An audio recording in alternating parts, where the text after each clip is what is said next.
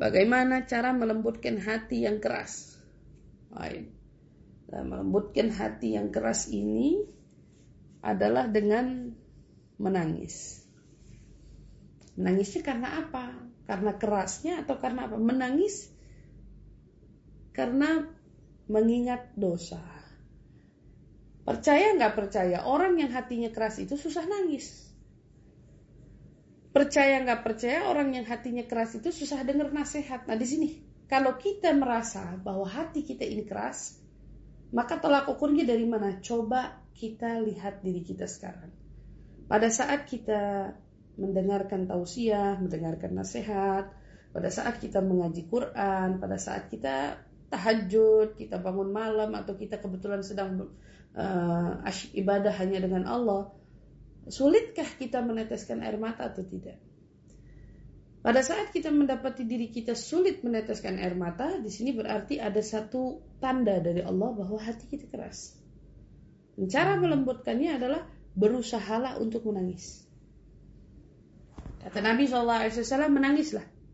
Kalau kau tidak mampu menangis, tangisi dirimu karena tidak mampu menangis. Artinya, orang yang tidak bisa menangisi dosanya itu, adalah orang yang sangat-sangat perlu dikasihani. Maka kita jangan sampai tergolong orang yang seperti itu. Jumudul ain, apa namanya tuh, hati yang keras itu karena berarti menandakan mata kita juga yang susah meneteskan air mata.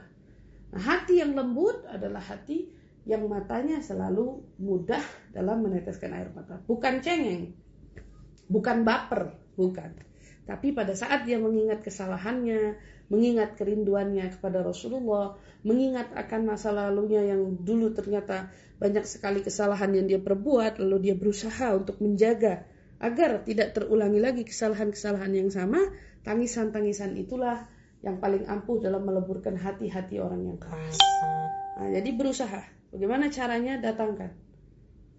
Kalau ternyata, oh ini kayaknya tanda-tandanya saya nih, hati saya keras banget kalau dengerin nasihat udah aduh malas udah dia udah sering dengernya. Atau apa.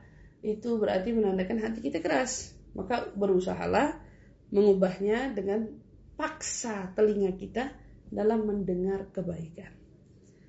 Dan teruslah berusaha menangisi dirimu karena dirimu yang sulit menangis karena Allah